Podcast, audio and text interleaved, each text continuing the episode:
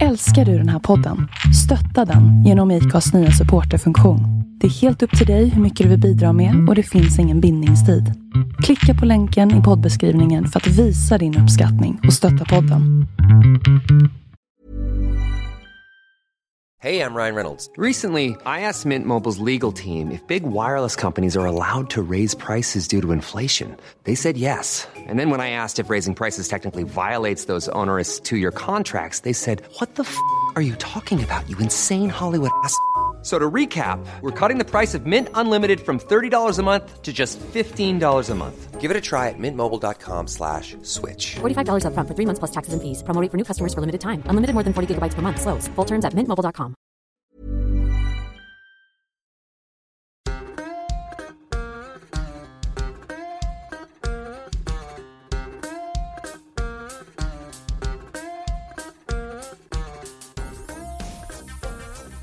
Men då, efter lite teknikstrul och schemaläggningstrassel så hälsar jag Chang Frick välkommen till Vi måste prata. Ja, det måste vi tydligen. Ja, det måste vi. Eh, det är ju återigen en sån här bizarr känsla för mig att ha någon som jag brukar lyssna på när de poddar i mina egna öron så att jag har en, en konversation istället för en envägskommunikation. Eh, kommunikation. Mhm. för, de som, Ja. för de som händelsevis inte har koll på dig Ja, och när du träffar nya människor, hur skulle du presentera dig? jag vet inte. Jag brukar inte presentera mig så mycket. Det är så jävla svårt. Vad ska. Jag är ju både näthatare och kärnkraftsoligark och sittkiss... Nej, jag är inte sittkissare. Det är jag inte. Nej, där drar vi gränsen. Jag, jag är backstugusittare. Torpare är jag med nu, numera. Ja, men vad ska vi säga då? Alltså jag skulle säga att du är hela Sveriges nät-badboy. Ja. Eller du, bra. du försöker vara i alla fall, för jag anar mig se någon slags spricka i den fasaden. Jaha. Jag tror inte du är så jävla dryg som du vill framstå. Nej, dryg vet jag väl inte. Jag är nog rätt snäll mot människor när, när det kommer till kritan. Men jag är väl lite sådär, jag, jag är inte konflikträdd eller så kanske man kan säga. Ja, det, skulle, det, skulle, det, kan nog de flesta gå med, gå med på. Ja. Hur, men hur, hur blev du där då? Så de flesta känner dig som kanske chef på Nyheter Idag. Som är, Ja. är det en hatsajt, eller vad, vad kallar du det? En fruktansvärt hemsk hatsajt. Ja. Ja. Vi, eh, vi är ju ett hot mot demokratin för vi, vi granskar ju sossar och ministrar och sånt ju. Och de är ju de- definitionen av demokrati för det, de är ju framröstade. Och, och granskar man då de makthavare som är demokratiska då, då hotar man ju demokratin. Så att vi, vi är ett mycket stort hot mot demokratin är vi.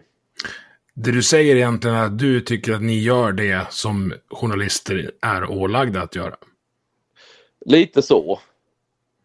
Men, det, har- men vi har ju en retorik idag där, där eh, allt som är, vad ska man säga, någon form av ansvarsutkrävande, ifrågasättande, eh, ja, det som traditionellt journalister sysslar med, det är idag någon slags hot mot demokratin. Det är troll, man, är, man har fel värdegrund och ja, men du vet. Ja, jo, jag känner, jag känner till det där. En, en av punkterna jag vill ta upp med dig, det är ju missbrukandet av, av trollordet. Mm. Eh, det stör mig nog fruktansvärt, för det kommer ju från... alltså det kommer ju inte från skogstroll, utan det kommer från det, det engelska ordet trolling, alltså att, att fiska med trål. Det vill säga att man kastar ut en krok eh, och hoppas att någon Ja, och, och biter vem på som den. lappar ja. Ja. Eh, i, I Sverige har ju det blivit eh, vad ska jag säga, definierat som att det är någon som näthatar, gärna anonymt. Ja, men alltså det, man kan väl säga så här, kritik har blivit synonymt med hat. Ja, så är det. Men, om, men om vi stannar kvar till troll, trolling, alltså en, en, en riktigt fin trollning är ju, kan ju vara stor humor. Eh, Visst är det så. Men men, det, men det, det här är ingenting nytt. Det har alltid varit så att när makt, makten, om jag uttrycker mig så, när de känner sig utmanade, pressade, då blir humor väldigt jobbigt. Mm. Humor har alltid varit ett sätt att säga det som man inte riktigt vågar säga seriöst. Du hade ju en hovnarr förr i tiden. Det var ju ett sätt att berätta obekväma saker för kungen. Mm. Genom att skämta Eh, om det. Eh, Ja, genom att skämta om det ja, så, så, så kunde man ha lite distans till det och då var det lättare att, att prata om det. Och, och när man ger sig på humor, när inte det längre är... eh, För väldigt mycket av, jag skulle säga överväldigande majoritet av det som idag kallas näthat och elakheter och, och hemskt på nätet och allt vad det är. Det är egentligen humor där man, där man driver med liksom makthavare och man driver mycket med politisk policy och sådana saker. Mm. Del, och, och ja. Ja, och och då, då hamnar man ju nästan i den här kan man skämta om allt eh, eh, diskussionen som är en ganska trött diskussion. För, Jo, men det, man använder... Man, de argument som används från ja, regeringspersoner, sosseriet och deras utskott, typ Dagens Nyheter och, och olika myndigheter. Det är ju något, det, är väldigt mo- moralistiska argument. Och det, så funkade ju kyrkan innan när de skulle liksom och, och hålla makten i samhället. mm. Det var, det var ju mycket moral över det. Ja, moralpanik snudd på. Ja, ja det kan man väl säga. Visst.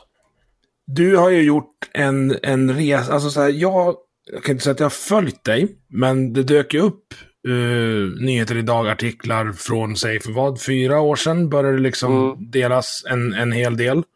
Mm. Och då var ju du, Nyheter idag var ju alltid med på den här listan, uh, dela inte från den här sajten för då är du nazistlistan. Ja. Som, som, Ja. Hur tänkte du när du var med, alltså när du hamnade i, i det gänget? För det finns ju en del sajter som verkligen är nazister, om man ska säga. Nej, alltså jag... Alltså det, det är så sossar jobbar. För den, här, den, här, den här grejen, rasistiska sajter du inte ska dela. Det var ju en grej av politism. Och politism var ju något samarbete mellan Aftonbladet och fackförbunden. Okej. Det var ju väldigt sossekopplat.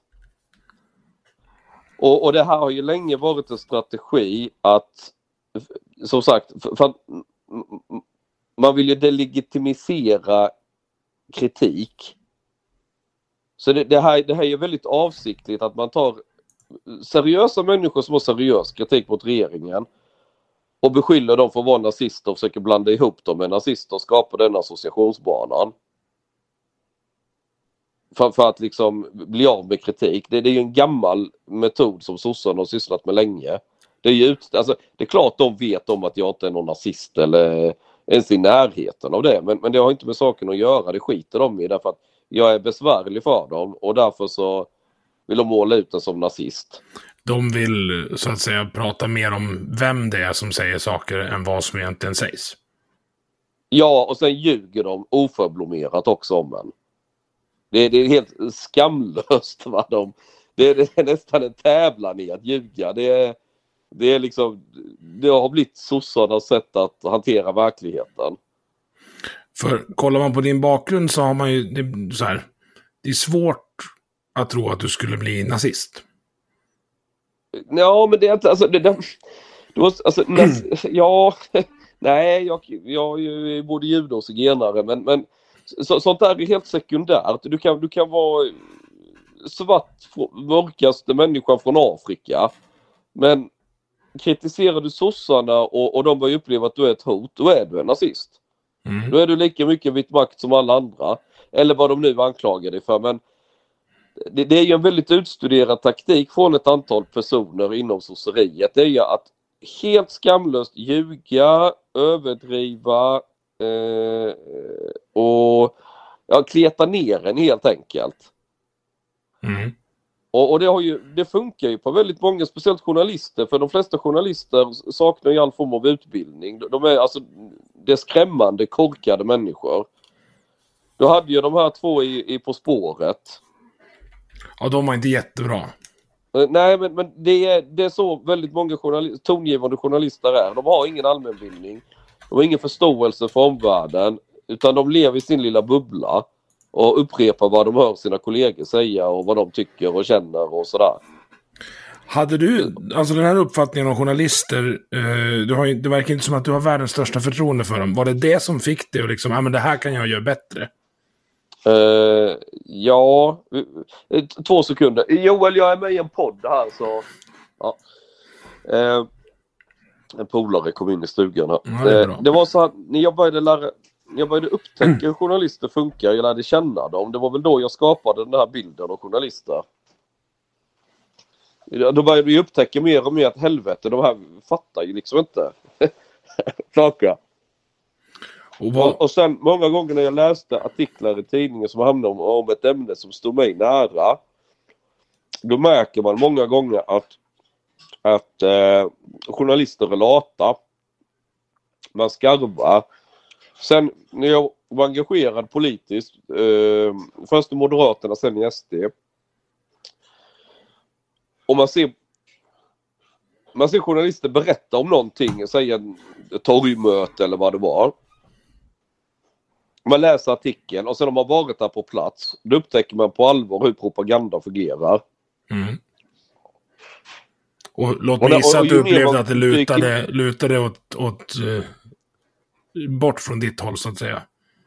Ja, men liksom, jag kan se ett gäng AFA-människor springa efter ett gäng pensionärer och spöa upp dem. Du vet, det var någon demonstration, eh, eller så här, SD har torgmöte. Sen såg det ut väldigt mycket eh, år, eh, du vet valrörelsen 2010 när SD kom in i riksdagen. Mm. Och Då var du aktiv inom Sverigedemokraterna. Ja, ja.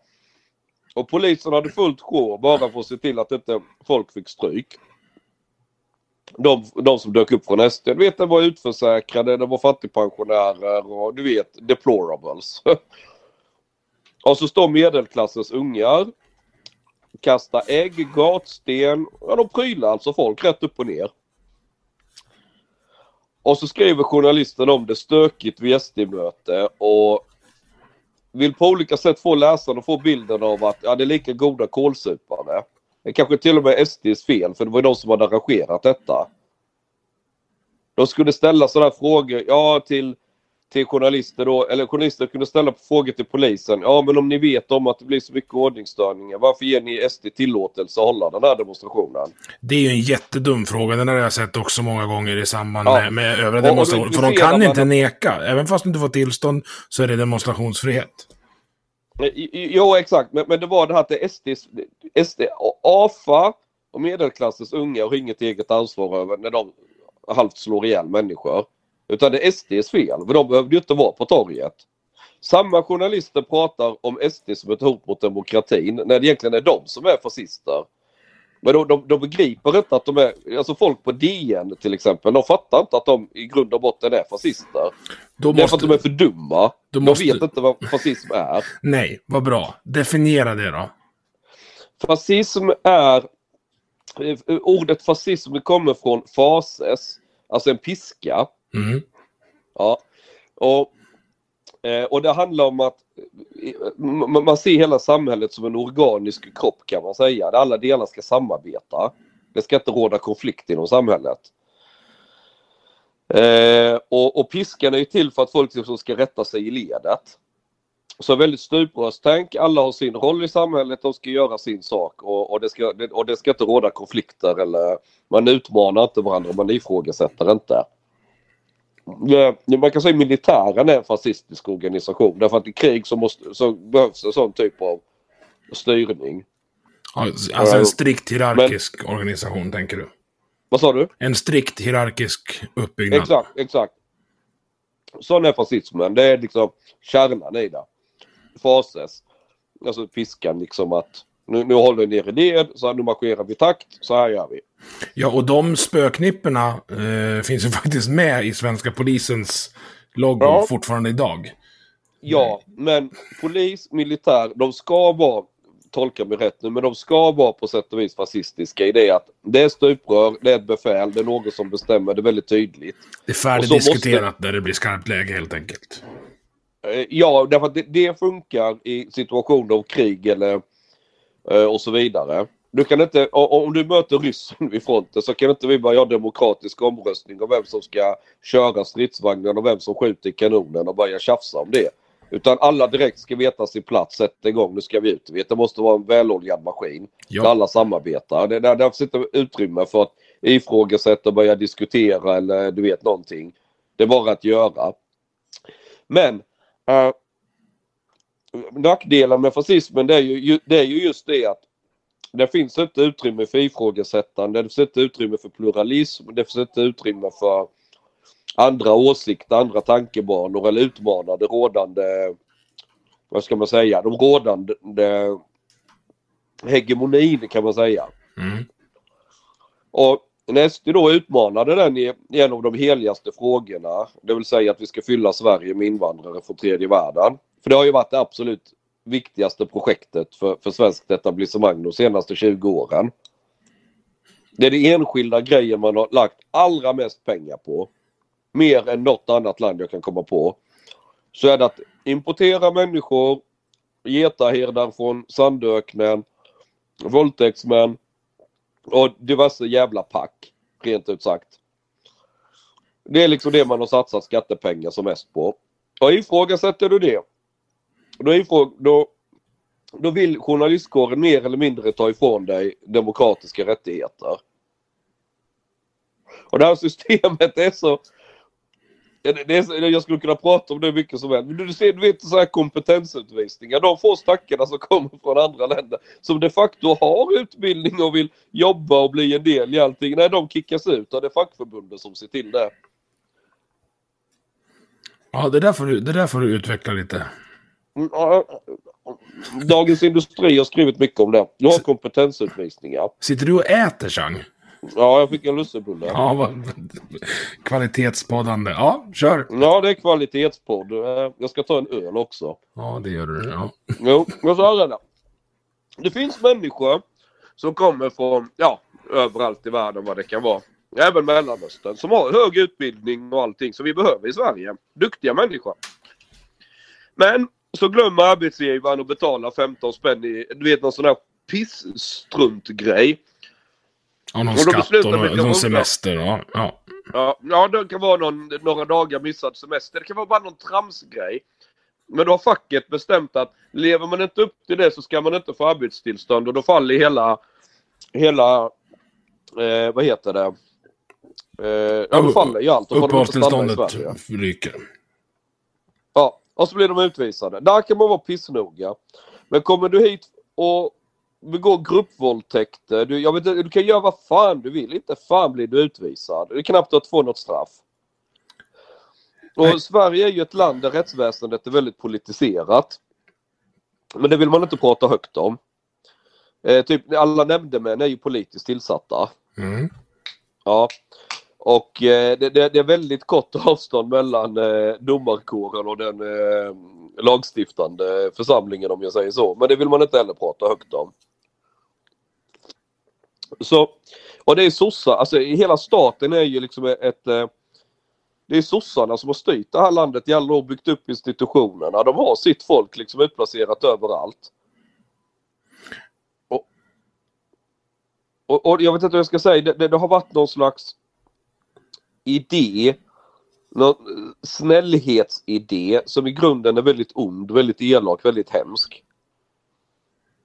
Man, man, man, är, man, man är väldigt snäll och förlåtande mot de mot, mot säg kriminella eller sådana här grejer. För det, det är socioekonomiska faktorer och bla bla bla. Men den som är flitig, jobbar och betalar skatt, arbetarklass och annat. Det, det är totalt avskyr man. Ja, De ska beskattas ännu mer. Vi ska höja dieselprisen och bensinprisen ännu mer. Elen kan bli hur dyr som helst och så vidare och så vidare. Liksom man, man pungslår de här människorna. Jag tror inte att man hatar dem, men däremot så är jag rätt övertygad om Jo, att de... det är hat. Ja, jag tror att det Det, är... är- det är hat. Får jag, kan du lyssna på min teori innan du dissar den? Ja, fall? ja. Jag tror att det är lågt hängande frukt. För är du en laglydig Svensson, då är det väldigt lätt att, ja men som rapporterar in varenda kvitto och all, all lön och allting du eventuellt tjänar. Då är det rätt lätt att ta 5% extra skatt av dig. Medan Ja. att ska du plocka in de alltså, ekonomiska brottslingar, alltså alla, alla typer av kriminella, de skiter ju i att rapportera in de här. Så det blir mycket svårare att få tag på dem. Så vill man ha in pengar till statskassan så är det mycket lättare att ta mer pengar av de som redan är inne i systemet. Sen, Ja, det är sant. Men, men det, det finns ett hat. Det finns ett, ett ganska utbrett hat mot arbetare. Därför att de flesta arbetare, de går på en byggarbetsplats, sätt i en byggbod. Sitter de och, och pratar genusfrågor, pratar de om klimatkrisen? Pratar de om någonting av det som pratas i regeringen? Nej. Det de pratar om i byggboden det är frågor som, som regeringen avskyr. ja, de har ju fullt sjå med riktiga typ problem i sina pratar. riktiga liv. Liksom. Vad sa du? De har ju fullt sjå med riktiga problem i vardagen. lösa. Ja, exakt, exakt. Så, så det, det är två helt olika samhällsklasser. Och den här arbetarklassen, den, den håller på, de börjar ju mer och mer gå och rösta SD eller vad de nu röstar. Ja, men vilka Och är ens arbetarklassen i, i år? Alltså hela kla- arbetarklass-epitetet känns ju förlegat från någon slags industriell era. Det finns ju inga så här Nej, bruksarbetare. Ja, men arbetarna idag, det är ju elektrikern med tre anställda. Där har du ju de som verkligen arbetar upp skattbasen i Ja, Sverige. men det är småföretagarna är arbetarklass. Ja, jo men de det, så här, Jag tror inte Morgan Johansson betraktar småföretagare som arbetarklass. Nej, han hatar dem. Jag säger hat, de ska beskattas. För i hans hu- hu- huvud så är de oligarker. De är ju företagare, de har pengar. De utnyttjar eh, arbetskraft och de är alltid misstänkliggjorda i, i sosseriets ögon. Mm. Det, men det, det, det bygger på en gammal idé om att den som har pengar är elak och den som är fattig är snäll. Ja, var, var kommer det ifrån då? Jag vet inte. Eller- Jantelag kanske. Ja, någon jag slags avundsjuka känns det som när, när du presenterar Ja. på det sättet. Ja, Alltså, jag vet inte. Det framgår med all önskvärd tydlighet om att du är inte så, du är inte så jätterädd för att säga vad du tycker och tänker i olika frågor. Även för de som kanske inte har hört dig, hört dig förr, så eh, har vi märkt det på 20 minuter. Men Ja, nej, var, varför skulle jag vara rädd för det? det är precis det jag vill komma till. Varför är du inte rädd för det? Ja, men vad ska hända? Varför ska jag vara rädd? Ja, Jag tror att du, du har liksom gått på... Eh, vad ska jag säga? Så Om vi, om vi backar tillbaks. Vad jag förstår så hade du en, en hyfsat stökig barndom, skulle man kunna säga va? Bitvis, ja. Eh, vill du berätta lite för den, för de som inte har hört dig innan? Nej, men vad ska jag säga? Det var väl rätt mycket strul hemma och eh, var väl enda killen med svart hår och ett utländskt namn i skolan så man fick ju höra att man skulle flytta tillbaks till var man nu kom ifrån. Um, man var väl lite sådär utstött och, och så ja. Uh, kan man, ja, nej, sen vet jag väl inte. Men vad gjorde jag sen? Jag gjorde lumpen. Och jag pluggade lite på högskola och ja. Men var det genomgående redan då, alltså om man säger innan lumpen, högstadiegymnasiet, var det också liksom så, ja men så här tycker jag, ni kan dra åt helvete. Var det, Ja, eller det kom väl där i tonåren. Jag, var- jag var nog väldigt snäll pojke fram till att bli tonåring. Men jag märkte att mobbing, alltså genom att vara snäll och ordentlig och göra det som förväntas. Du blir inte belönad av det. I det här landet. Alltså flit och att du är duktig eh, lönar sig inte så mycket i Sverige. Att bli kriminell lönar sig mycket mer. Många av folk jag växte upp med de valde att ja, typ bli kriminella. Så, och det lär du ju dig redan i skolan därför att om du beter dig illa i skolan då får du mer resurser. Då de kastar pengar på dig. Det är aldrig någon bestraffning eller något sånt utan problemungarna i, i kommunen de fick ju åka på fina utlandsresor och det och det och allting genom socialen och fan och hans moster. Jag, jag skötte ju mig. ja. Men min lillebror som ett år yngre, han var ju totalt kaos. Stal bilar och ställde till med skit. Så då placerade de honom i ett annat hem. Ja, sen jag mötte honom, vad fan han hade ju nya fina kläder. Han... Eh, all, du vet, han hade mer pengar. Det, han fick ju veckopeng. Sånt kunde jag ju bara drömma om ju. Mina föräldrar snodde ju mina pengar om jag sparade ihop något. och, och liksom fick äta mat varje dag, morgon, middag, kväll. Det hade, så var det ju inte hemma när jag växte upp. Men jag skötte ju mig och gnällde inte eller härjade med något ja. Så han hade ju det, genom att han ställde till med massa skit så fick ju han ju på det sättet en mycket bättre uppväxt. Och då börjar man ju fatta lite, hur, hur, redan där börjar man ju ana lite att det är något som inte funkar riktigt som det ska.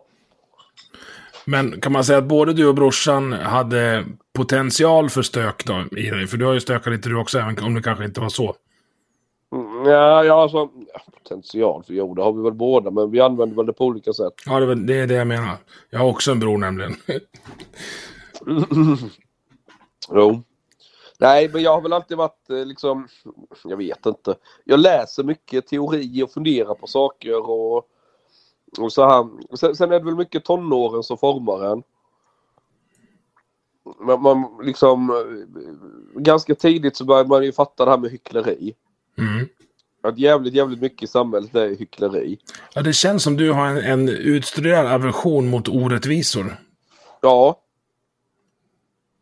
Jo, det, det har man ju.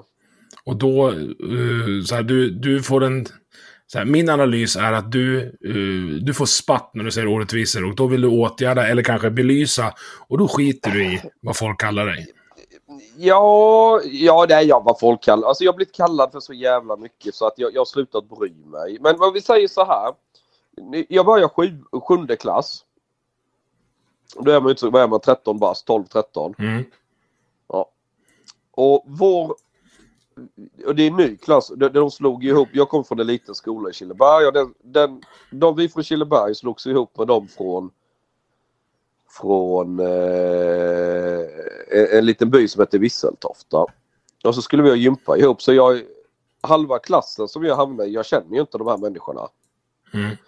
Och då var det en kille där som hette Johan och han föddes med någon, eh, vad ska man säga, lite konstig missbildning. Där att revbenen har liksom växt inåt så bröstkorgen, det är som en stor grop i bröst, bröstkorgen. Mm. Det ser lite kul ut. Lite, ja, det är lite, men det är skitsamma. Det är inget, han fungerar ju som vanligt. Och så var vi i omklädningsrummet och, och vi skulle ha gympa ihop med en annan klass i sjuan också. Och då var det folk från Osby. Och de ger sig på honom och börjar kasta massa grejer i omklädningsrummet och kalla honom för massa fula saker. Och alla gör det i grupp. Och så sitter andra helt tysta liksom och vågar inte göra någonting. Och han får liksom all skit. Och så är det eh, en liten kille, Rasmus tror jag han hette, som, som var väldigt drivande i det här. Jag, jag har ju känt de här människorna bara några dagar liksom. Jag visste bara typ knappt vad han hette, han som blev utsatt. Och när den här Rasmus går ut då ja. För jag, kom ju, jag slog, så såg ju det inne i omklädningsrummet. Jag kan inte ta honom där för då flyger alla andra på mig. Mm. Så jag väntade då till han gick ut. Så han kommit några meter, så gick jag bakom, så knackade jag honom på axeln. Han vände sig om, jag laddar rak höger och knockar honom direkt. Går ner och bara bankar skiten ur honom. Och då kommer den andra killen ut, Johan. Och han blir helt förskräckt. Sen så sa jag till honom, nu tar du och sparkar honom i huvudet. Va? Sparka honom i huvudet eller kommer jag slå dig med? Ja, då gick han ju fram och sulade en spark i huvudet på Rasmus där ja.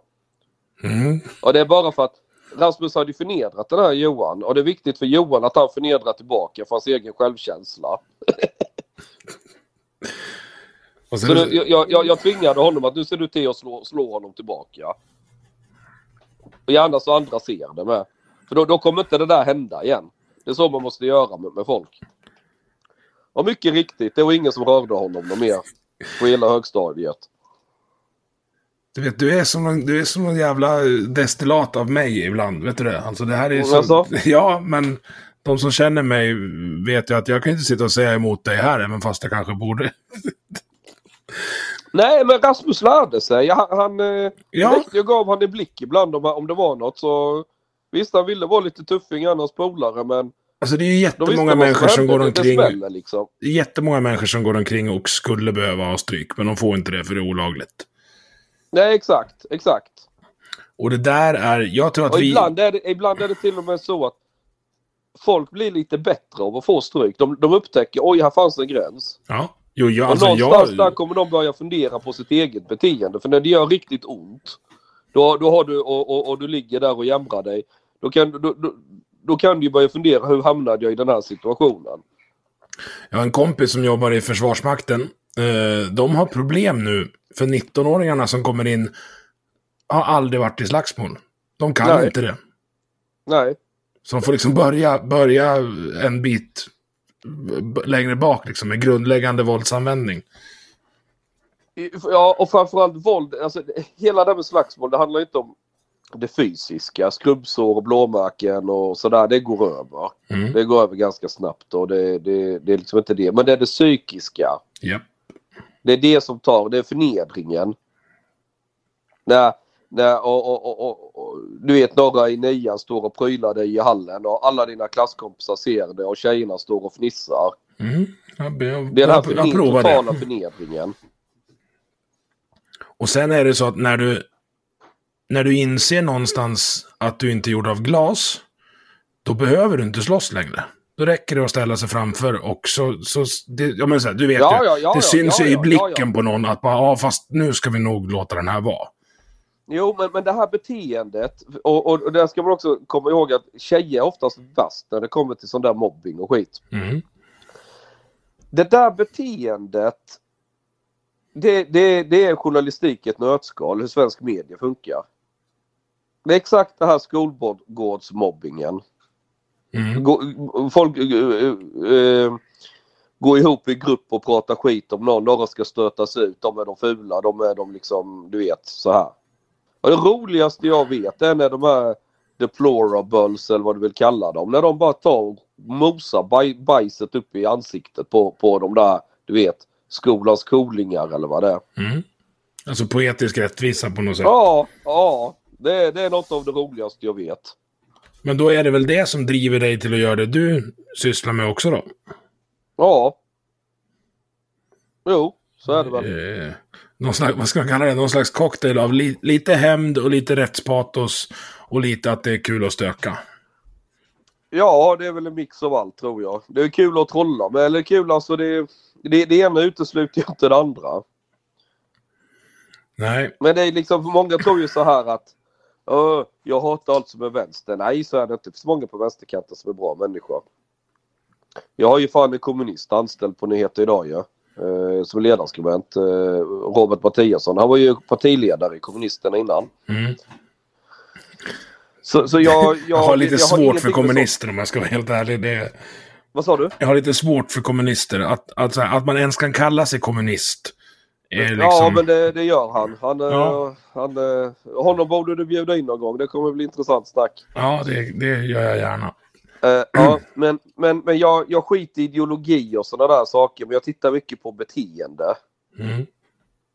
Det finns ju bra sossar med. Ta hon Aida Hadzialic. Ta Boel Godner. Helvete vilken kvinna. Ja, jag har inte riktigt koll på... Jag känner igen namnet. Hon är kommunalråd i Södertälje. Så hon har ju fått bedriva integrationspolitik på riktigt i 20 år. Men det är ingen som lyssnar på henne. Nej.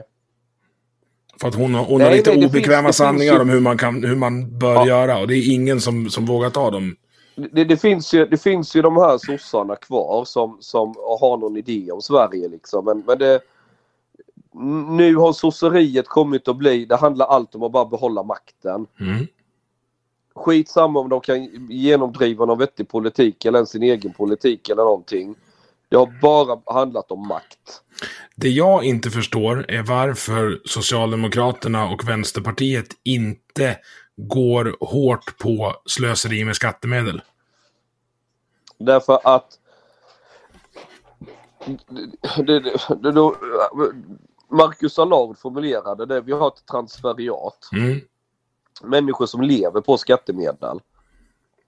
De människorna röstar på sossarna. För att ha kvar jobbet då eller? Ja.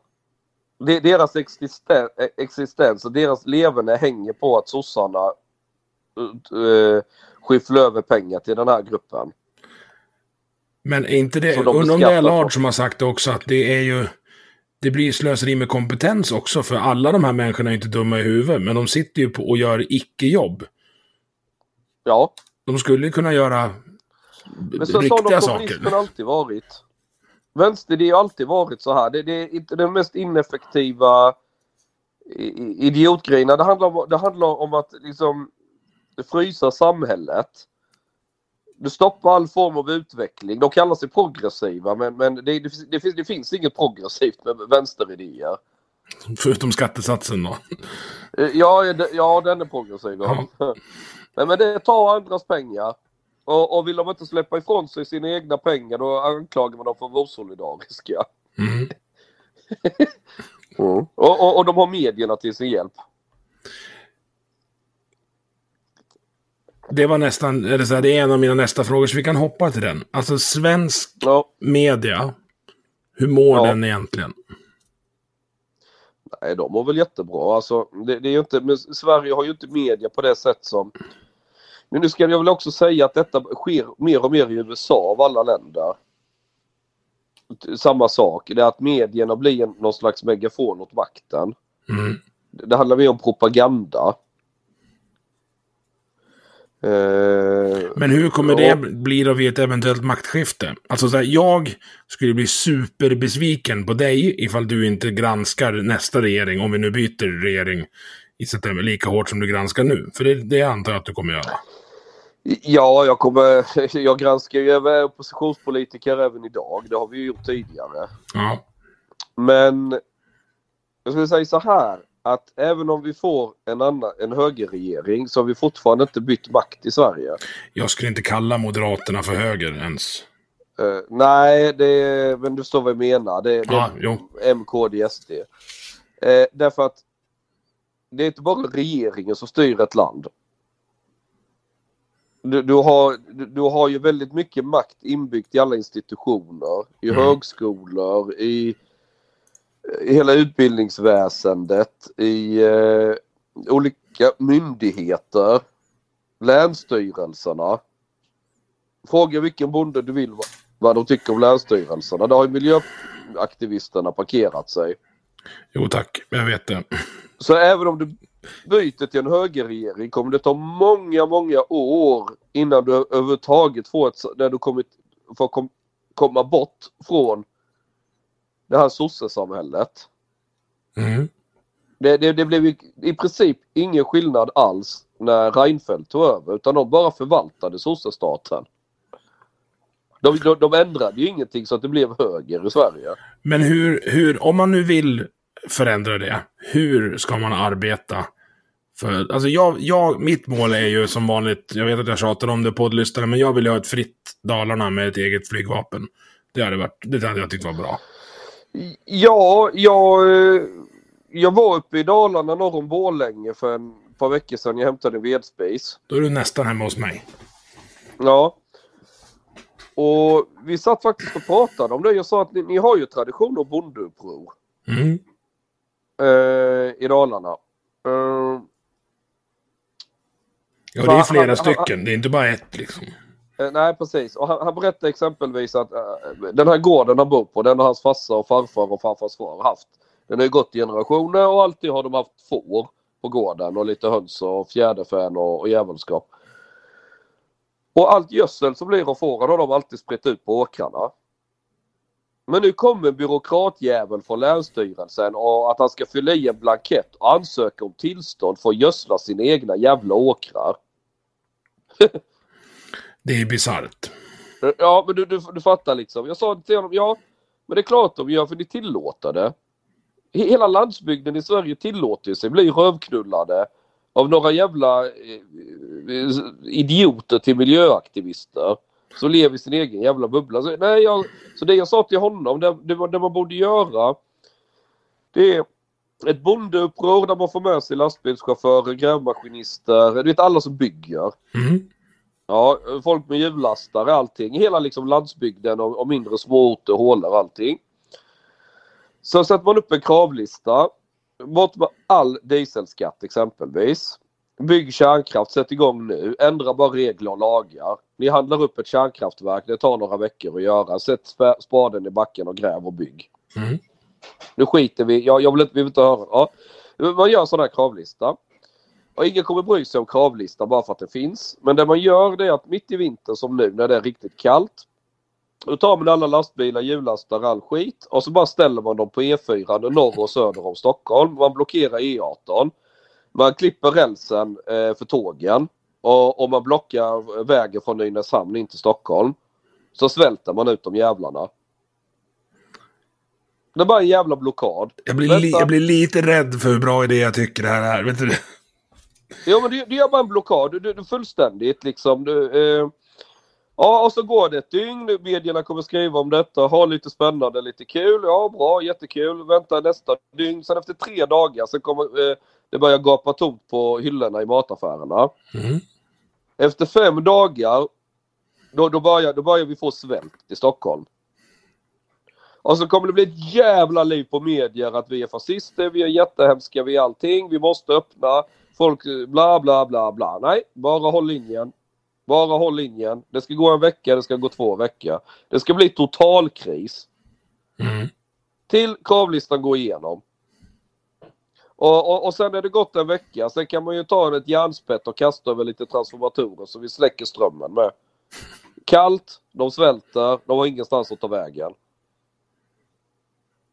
Nu Sen är, kommer du få se på att det kommer börja hända grejer. Ja, men alltså, jag förstår precis din poäng i det här, men ska man, ska man behöva göra så liksom för att folk ska fatta Ja, ska var, var maten, maten kommer Varför, ifrån? Liksom? va- varför var de tvungna att göra bondeuppror från Dalarna? Jo, men de försökte ta våra kyrkklockor och göra kanoner av. Det går vi inte med på. Nej men de kommer ju att ta allt ni har. Ska du tanka bilen? Ska du göra vad fan du ska göra så ska de ha dina pengar. Mm. Jo, men Någonstans vad, finns det ju en gräns. min poäng är att svensken, det borde räcka att titta på elräkningen, vad den består av, för att man ska bli vansinnig. Ja, men så ska du veta att elräkningen det är för att man har med flit skapat den här situationen. Ja, Det har med flit stängt ner kärnkraft trots folk har protesterat och varnat och allting. Har, man har gett fan i att investera i infrastruktur. Man har gett fan i allting. För det har varit så jävla mycket viktigare att vara en humanitär stormakt och massa sådana här idiotidéer som inte har någon som helst förankring bland vanligt folk. Det är bara ett eh, elitprojekt. Nej, någon, någon slags form av revolution behövs. när du säger humanitär stormakt, då, då hamnar jag i 2014-15 där. Alltså det som, det som går under, Ja, under men, men namnet det som du måste backa flyktingkrisen. Det, ännu ja, men längre. det som ledde fram till 2014-15 det är grejer som har pågått i, i 20 år, 25 års tid. Det här började redan på 90-talet, de här idéerna. När det började spåra. Tänker du Balkanvändan där eller? Ja, redan Balkanvändan. Alltså nu, nu, nu, nu ska man ju liksom vara rättvis här. Det var ju många från Balkan som, var jätte, som har kommit var jättebra människor som var inne i arbetslivet direkt, hjälpte till industrin och allting liksom så. Vi har haft stor nytta av människor från Balkan. Mm. Men det började synas en del integrationsproblem också. Redan med den vändan. Och det ville man inte prata högt om. De som sökte varna och slå larm, de blev anklagade för att vara rasister, bla bla bla. Journalister och andra mediefolk upptäckte man kan göra karriär på att jaga, jaga du vet, rasister inom citattecken. Ja. Och, och, och, och så började det spinna ut och, och, och det fanns någon cynism i allt detta där man sket i liksom verkligheten. Mediebilden var viktigare. Jo, men är, Och- och- och är inte det det spår- symptomatiskt för hela Sverige? Att det är, så här, det, spelar, det är viktigare vem som säger något än vad man säger. Och det är viktigare Ja. vad man har för mål än vad man får för resultat. Ja, så är det. Så är det. Hur, ja. Bara du, bara du har goda intentioner så. Men det är ju, det är ju sjukt. ja. Och så återigen, så här, vad, vad, vad ska man göra åt det? Är det? Ska vi börja med blockaden? Ja, du måste sätta en sån, du måste skaffa dig ett sånt våldskapital att det är dy, att du, du måste vrida vålds, våldskapitalet ur händerna på staten. Mm, det där får du utveckla. När du gör en blockad mot Stockholm och du gör det på rätt sätt. Fast finns inget... kan vi backa in i lite mer realism än, för jag tror inte att det kommer bli en blockad mot Stockholm.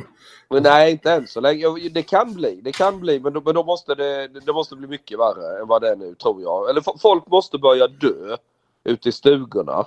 Mm. Eh, Det finns ingen el. Det, det finns inte, ja men du vet. Det, det, det måste liksom vara en situation där, där, där det är helt fucking ohållbart. Ser du det som realistiskt, alltså redan i år med rullande avbrott och, och sånt här?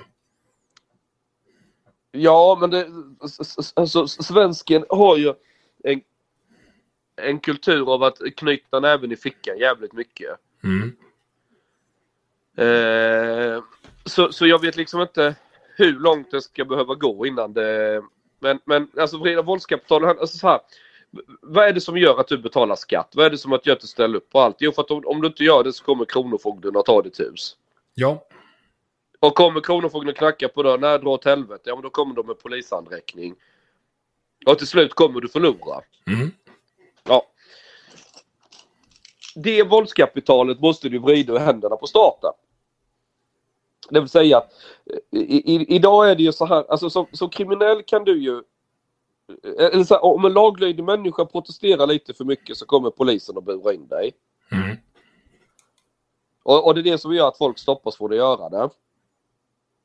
Men är man bara tillräckligt många så går ju inte det. Nej, du tänker om alltså mer eller mindre någon slags generalstrejk. Fast inte fackligt Ja. organiserad då gissar jag. Ja, en typ av generalstrejk och blockad av Stockholm, det är det. Mm. Någonting sånt. Men, men, men, eh, så, så det lamslår. Gör du det på rätt sätt så det hjälper inte. Regeringen kan sitta och kalla in all militär de har. Den lilla militär vi har i Sverige. Ja, men de, det är ju också arbetargrabbar. De kommer ju också fatta. Ja, du, du, precis. Får du med dig soldaterna. Får du med dig poliserna som jobbar på golvet. Fan, jag kommer ha? Säpo-bevakning på mig själv efter jag släpper det här avsnittet. Nej, det är inte... Ja, nej, bevakning, det vet jag inte. Det alltså, en sån här grej går, går inte att stoppa för att skulle, skulle dra det åt det hållet. Vadå, ska de bevaka varenda jävel som bor utanför Södermalm? Nej, men det, det är ju det. Alltså det, det du säger, även om jag... Alltså så här, du, du spetsar ju till det rätt rejält. Det är ju ditt modus operandi. Men Ja. jag tror ju inte att du är så långt ifrån hur snacket går i byggfutten och vid, över mobiltelefonerna mellan lastbilschaufförerna och bönderna. Det-. Men varför, varför så här? Politiker brukar ju vara jävligt bra på att vända kappan efter vinden. Varför plockar ingen upp det här? Hur då menar du plocka upp det? Nej men alltså om det fanns ett parti som sa de här grejerna du säger. Jag hade i, Men vadå, vad, vad ska ett parti säga? Vi ska, vi, vi ska slå en blockad runt Stockholm och fälla regeringen med högafflarna. Nej men så här, jag hade ju Ilan från Medborgarsamling var ju med Ja. i ett avsnitt här. Ja. Eh, han säger ju de här grejerna, men de får ju ingen traction.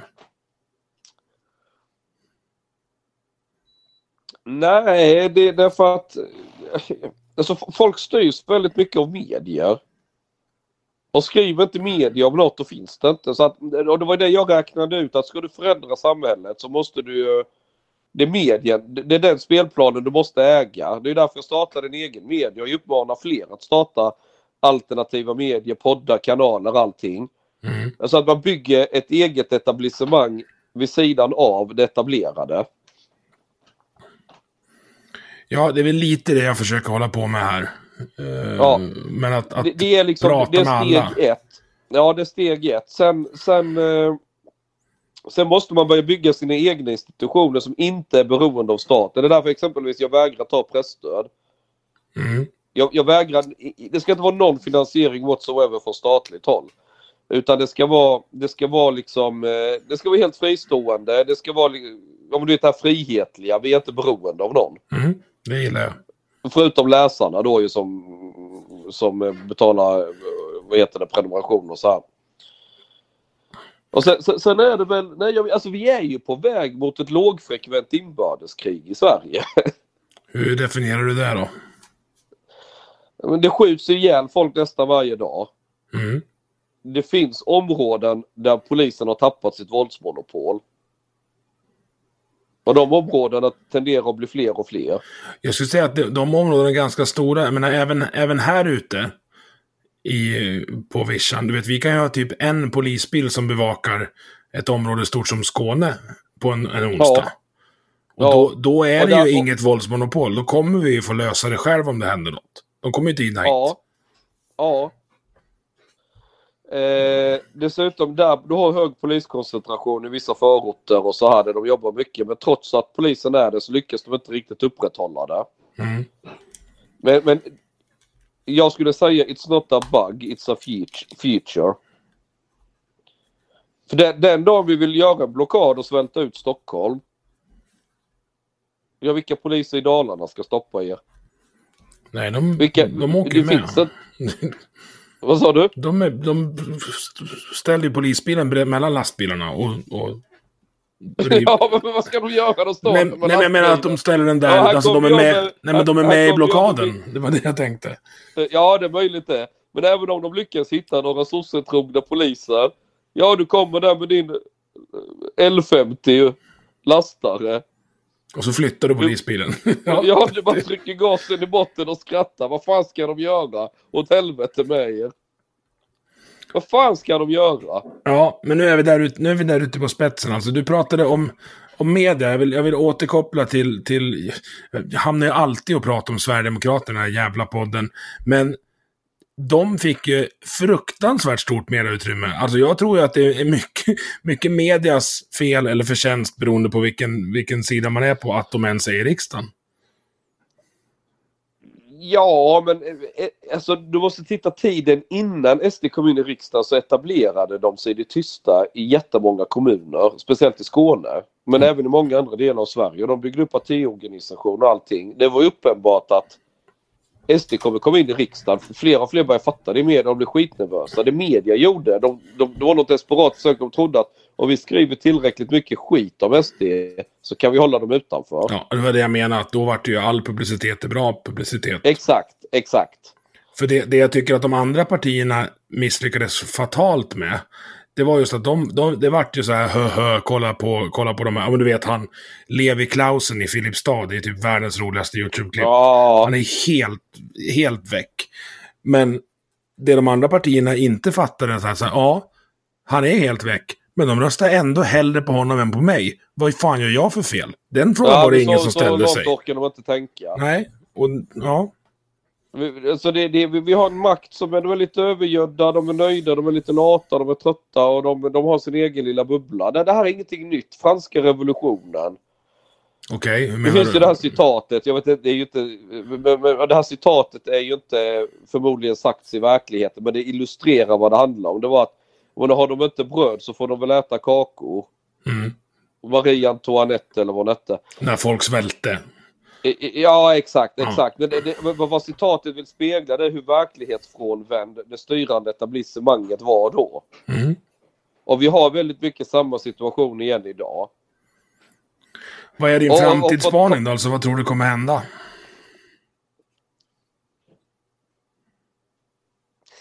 Antingen så kommer vi få en regering som fattar de här problemen som märker att åh helvete marken börjar skaka under oss. Vi måste börja, du vet. Och så får de ta ett, ett, ett gäng liksom, beslut som går emot deras egna linjer. Du vet, sätta hårdare hårdare åt eh, kriminalitet för det drabbar människor i vardagen. Eh, snabbt satan liksom bygga ut elnät, smälla upp kärnkraftverk. Det går att göra på bara några år. En del av våra kärnkraftverk byggdes på så här fem års tid eller något. Mm. Och det var på 80-talet. Ja, nu vet man ju man bygger. Och Frankrike och England ligger ju jättelångt fram när det gäller generation 4 och så vidare. Ja, jo då, det, det, det, går, det går att smälla upp och säkra. Men man måste göra en total 180 graders sväng. Och man måste, men du vet, finns politiska viljan då kan det gå jävligt fort. De kan bara ändra ett gäng lagar och sen smack så bara händer det. Mm. Har vi tur så finns den självinsikten och det, och det löser sig den vägen. Eh, om det inte sker, ja, ja då blir det intressant på riktigt. Tror du att en eventuellt moderatledd regering skulle ha bollarna att göra de här grejerna? De har inte bollar att göra något. Nej, det var det. Var det. Eh, kanske att SD skulle kunna pusha dem till att göra lite grann. Eh, Men har inte SD låst fast sig vid invandringspolitiken? Nej. Nej, det skulle jag inte säga. Men det är väl den frågan de har högst på dagordningen. Men de vill bygga kärnkraft. De vill... de- Det, de, och de vill nog göra mycket annat också. Mm. De, de är nog väldigt industrivänliga och företagsvänliga och sådär. eh, I, I väldigt hög utsträckning skulle jag säga.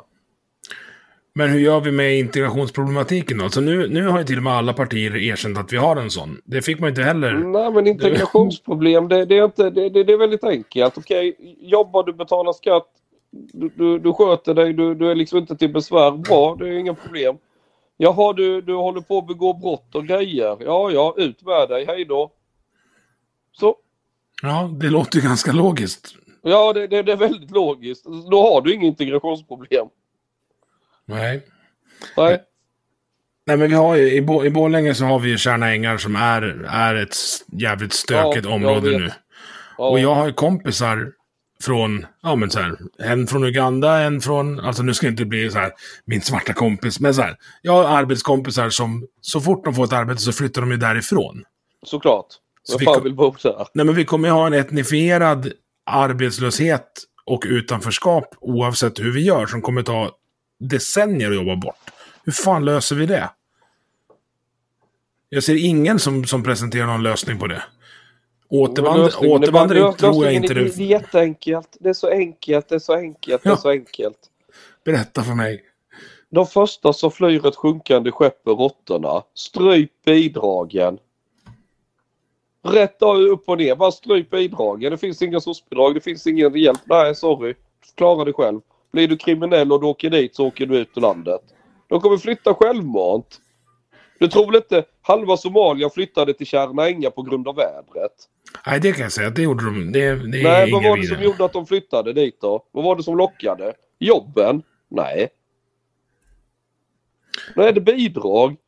Och framförallt så var det väl så, som jag förstår det, jag är inte lika inläst på det här, men jag är, jag är nog inte lika partisk som du heller, om man ska kalla det. Men problemet, som jag ser det, var att det var en pullfaktor, att det var mycket annorlunda villkor i Sverige än i övriga norra Europa. Ja, det var lättare att komma till Sverige och du får en lägenhet, du får ditt soc-bidrag. du sitter där och kollar på TV. Du, du, du har, ett från deras perspektiv det är ett jävligt soft liv. Och du uppmuntras att behålla din kultur och leva liv på ditt sätt och gifta bort dottern och allt vad det är för något. Det är inte så att Sverige har satt in speciellt hårda insatser på att... Men det du, det du pratar om, om jag skulle koka ner det, så är det någon slags här, kvalificering för medborgarskap och därefter... Ja men det är väldigt enkelt kvalificering. Det är, det är inte så att man ska bli intolerant liksom. Att hö, hö, nu måste du också äta sill på, på midsommar och, och, och snapsvisa eller du får inte vara muslim eller något sånt. Nej nej nej. Du, det är bara dumt. kultur. Ja. Vad sa du? ja, det är bara dumt att, att ställa sådana ja, krav. nej, nej, utan, utan var tolerant mot folk. Låt folk ha sina sedvänjor och sådär. Det är klart någon gräns ska det vara. Det det är inte så att du kan tvångsgifta bort din dotter eller Nej, men, alltså, Det svenska så- lagar och regler ska Ja, användas. det, det, får, det får vara någon rim och reson i det. Men så tillåtande som möjligt. Mm. Skulle jag säga. Så att man liksom sådär, man ska ändå respektera människor och deras sedvänjor och, och oavsett vad de har för bakgrund. Men de här grundläggande sakerna var inte en belastning för samhället. Var inte liksom, en, stjäl inte av folk. Om dina unga ställer till med skit, rånar andra, är kaxiga, snattar i affärer, skit i skolan, allting. Ja, då börjar det bli en belastning. Sorry. Hur ska vi göra med din familj? Men Ja. å andra sidan så måste man också ge föräldrar verktyg att uppfostra sina barn. Behöver ungen en örfil, ja då behöver han en örfil. Det där säger Mustafa eh, Panshiri som du poddar med i vanliga fall Ja. jävligt bra. Just att man kan inte förvänta sig att folk kan reglerna när de, bara för att de landar. Alltså, det måste ju Men nej. finnas någon slags blankett Men på sen- hemspråk. Sen här, inte- sen, är ju, sen är det ju inte säkert så att svenska regler är de bästa heller. Nej, oh nej. Det kan vara reglerna det är fel på med. Det, det är inte bara så att det, är människor som, att det är fel på människor som kommer till Sverige. Det kan också vara fel på reglerna här. Högst troligt är det ju det. Alltså, Ja, vi är ju ett extremt land enligt alla eh, mätningar. Men det förstår Mm. ju, det, den förståelsen saknar ju Medelsvensson också. Som förstår att vi är liksom Ja. längst ut i hörnet när det gäller värderingar. ja men jag vet inte. Jag tror, jag, jag tror någonstans att Sverige behöver en riktig jävla kris.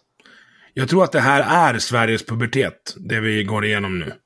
Vi, duck, vi duckar, vi vart curlade under hela andra världskriget. Så när, när resten av Europa tvingades att växa upp så gjorde vi aldrig det. Nej, det är nog mycket, ligger nog en sanning i det. Det ligger nog en sanning i det. Nej, det behövs en riktig jävla kris. Tyvärr så kommer det slå hårdast mot de som har minst. Mm. Det kommer slå mot den ensamstående morsan i Knäckebyhult du vet som ska försöka gå runt med tre ungar, snoriga och dana och hon har ingen inkomst och har inte råd med elräkningen och kan inte köra till jobbet. Så är det alltid. Det är all, alltså, Ja, det är väl... det, slår, det slår alltid mot de svagaste. Ja, För medelklassen och de som har pengar de kan köpa sig ifrån problem. ja, vad gör man åt det då?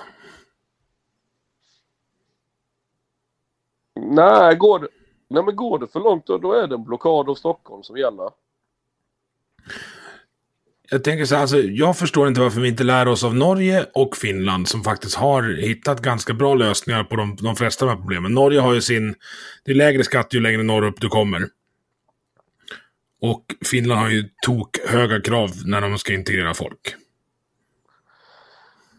Ja, men, men nej, men vi ska ju vara humanitär stormakt och vi kan ju inte vara elaka. Och, alltså, det, det finns ju en väldigt djupt rasistisk syn från etablissemangets håll och det är att man kan inte ställa några krav på invandrare för de är ju invandrare. Då är man ju lite efterbliven. Det är vi i Sverige som är mest högst upp på den intellektuella stegen.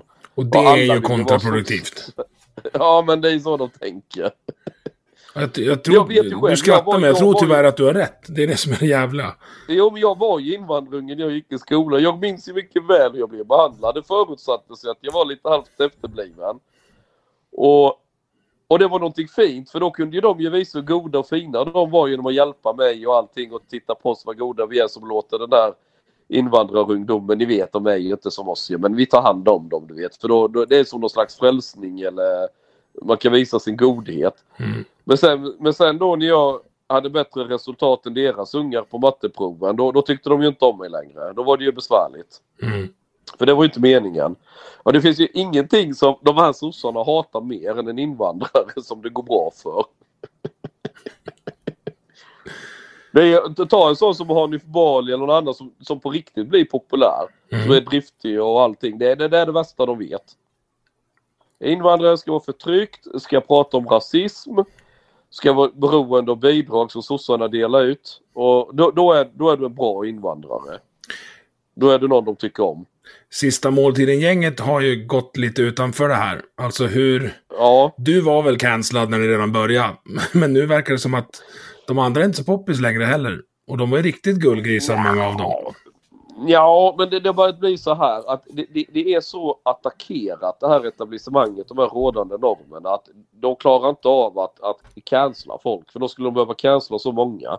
Alltså, det- och, och det var det här, det var en grej jag, jag, jag förklarade för folk redan 2010 att vi måste bygga ett eget etablissemang. Då går det inte att stänga ute.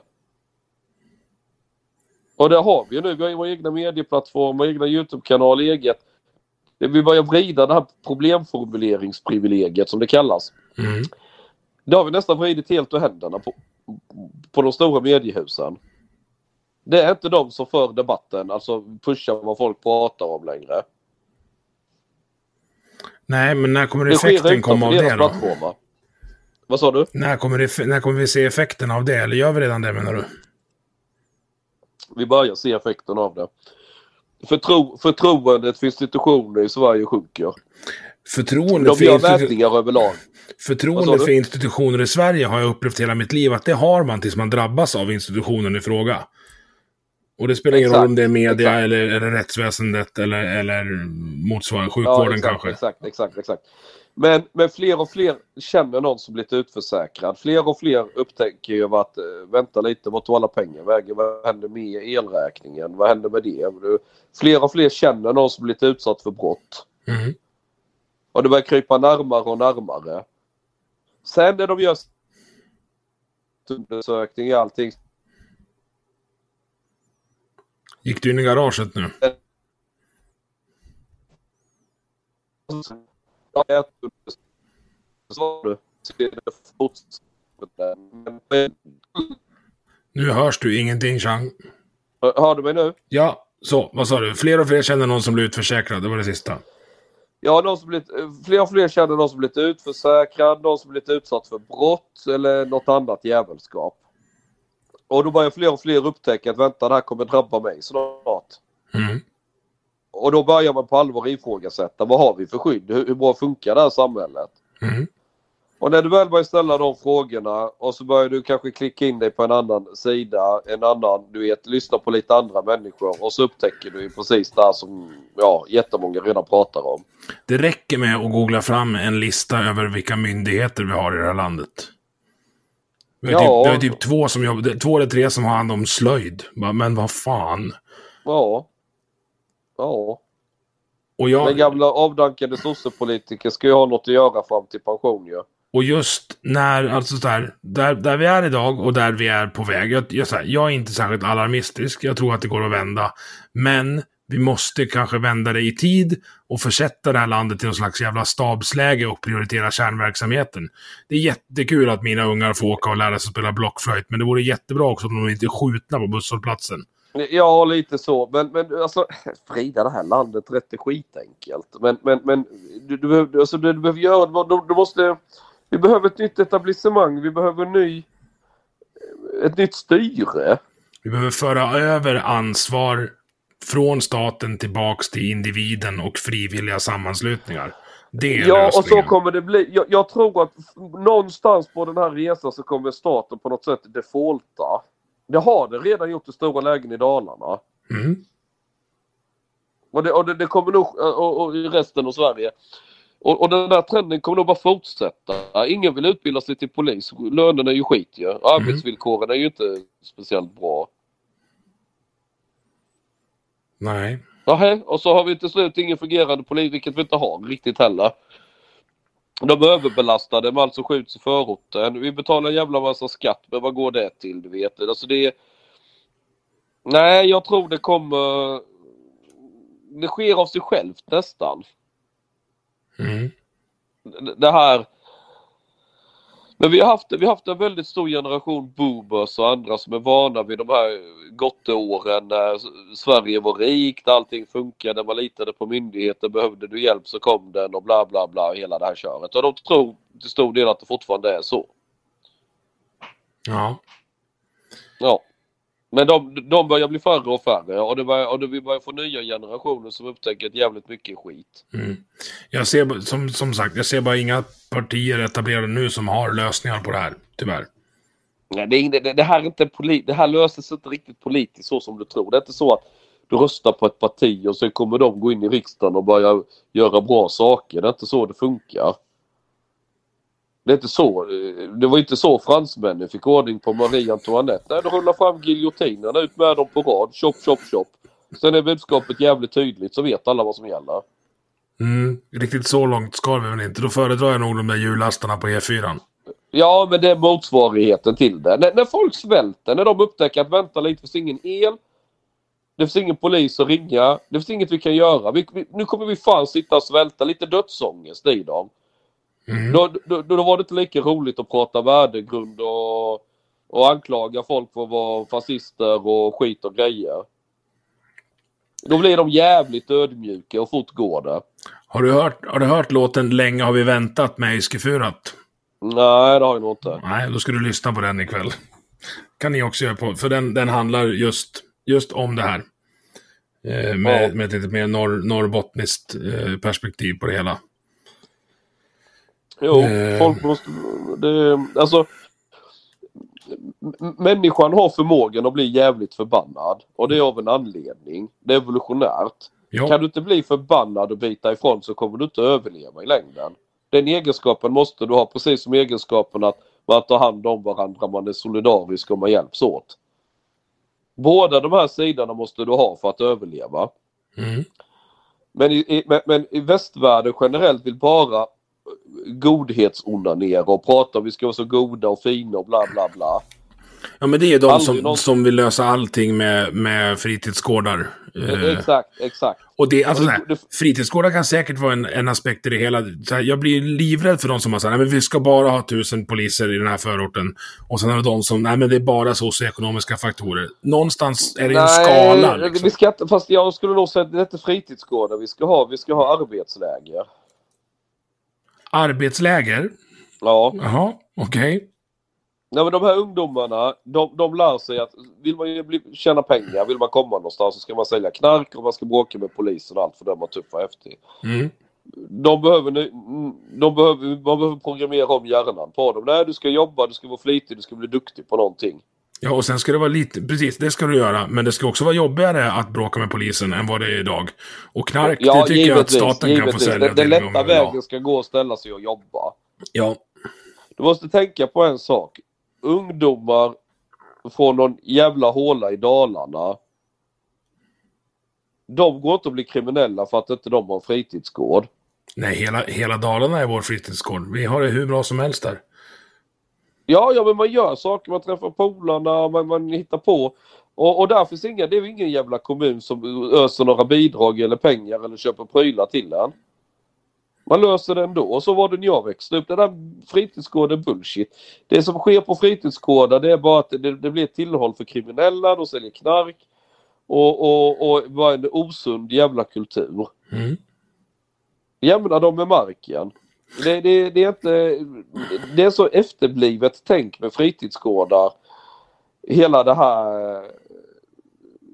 Nej, ungdomar behöver, de behöver utmaningar och det kommer de hitta själva för de vill ju tjäna pengar och allting. Mm. Men då ska de... Men, men, men sättet i deras... Alltså sättet att tjäna pengar det ska ju vara att göra som andra vuxna gör.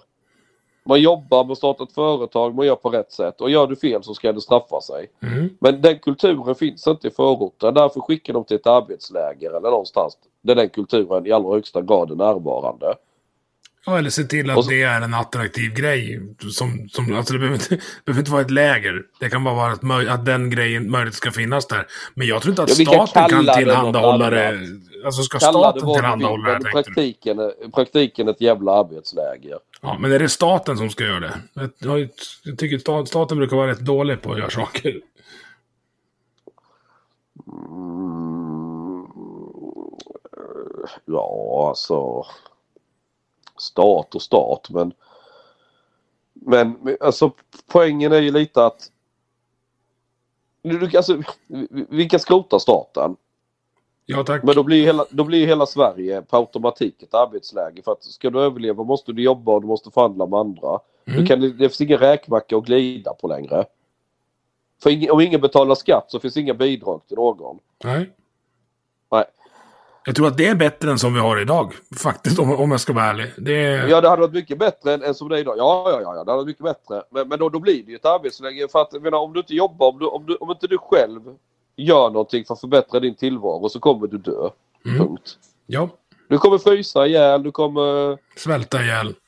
Är det, Ja, blir, är, är du kriminell, du stjäl av någon annan, då är det ingen jävla polis och sen socialtant som lägger huvudet på sned och tycker synd om dig.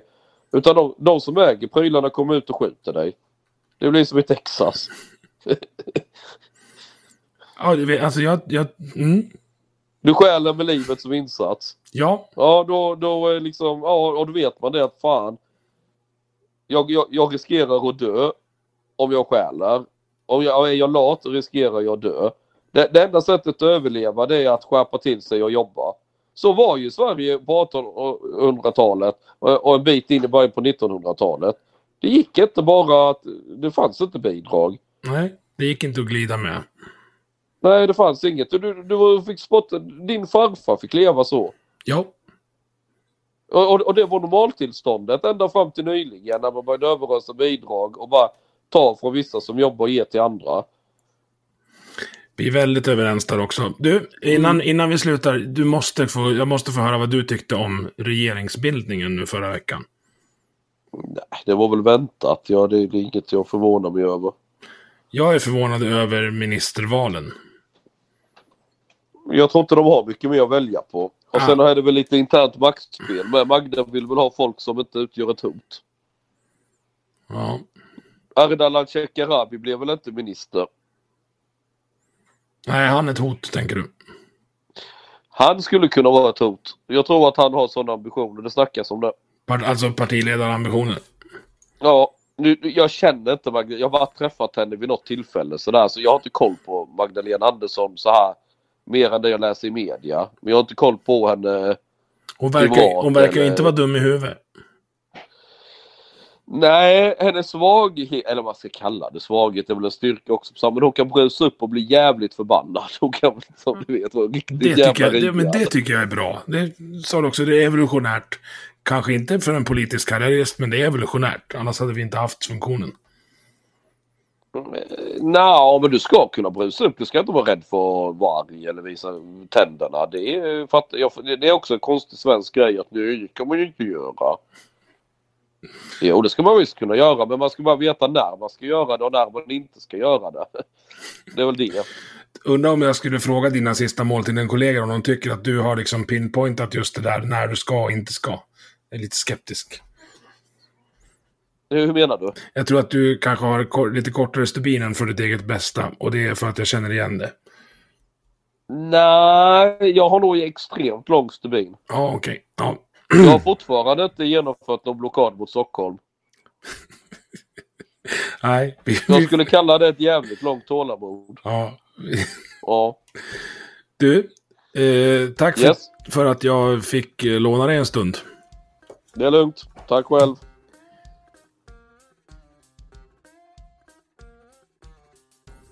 Du har lyssnat på Vi måste prata som produceras av mig, Emil Nilsson.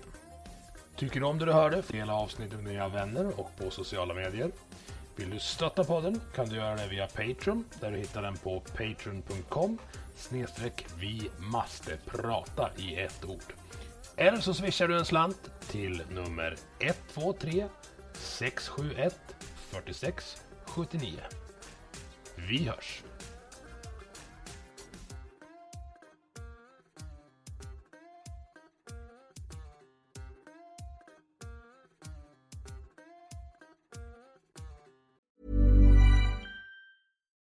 Here's a cool fact a crocodile can't stick out its tongue.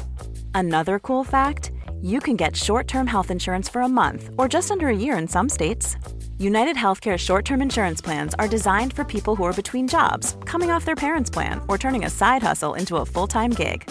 Underwritten by Golden Rule Insurance Company, they offer flexible, budget friendly coverage with access to a nationwide network of doctors and hospitals. Get more cool facts about United Healthcare short term plans at uh1.com.